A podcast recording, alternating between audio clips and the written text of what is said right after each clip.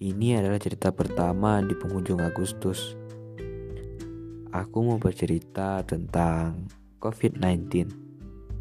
Ya, musuh terbesar yang sedang dilawan oleh negara-negara di dunia. Sudah hampir tiga tahun COVID melanda dunia.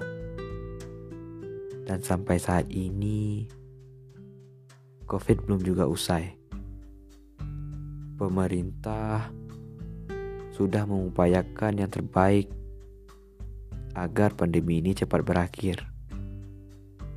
Tapi apa daya, COVID belum juga mau pergi. Bulan lalu, aku dan keluargaku juga terpapar COVID-19.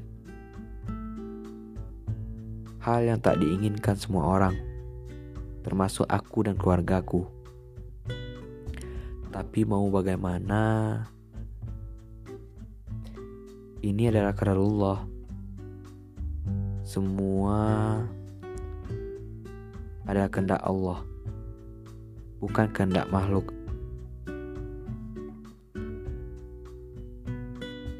Kami diisolasikan di rumah karena rumah sakit di kotaku penuh.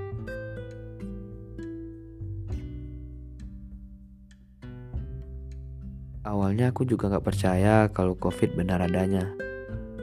Tapi sesudah aku dan keluarga aku terpapar COVID-19, aku percaya kalau COVID benar adanya. Dan aku sekarang kalau keluar rumah ragu untuk melepaskan maskerku.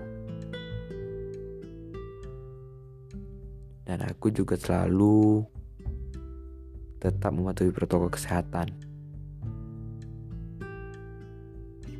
Tapi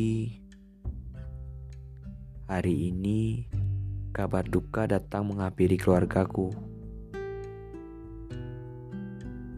Nenekku, ibu dari bapakku, meninggal dunia. Tapi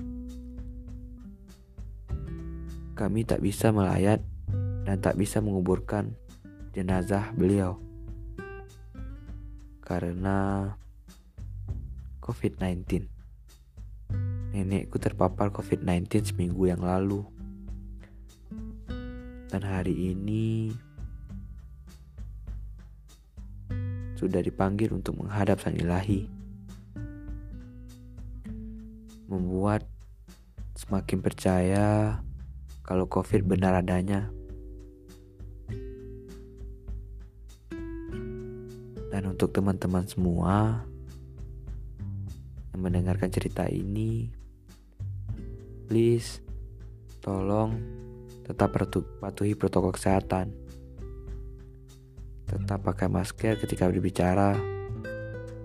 Tetap menjaga jarak ketika berkumpul. Kita tak tahu siapa yang akan menularkan dan siapa yang akan membawa virus itu pulang. Dan tetap jaga imunitas tubuh kita ya. Sekian cerita dari saya. Semoga kalian tak bosan untuk mendengarkannya. Karena ini adalah cerita pertama dari saya.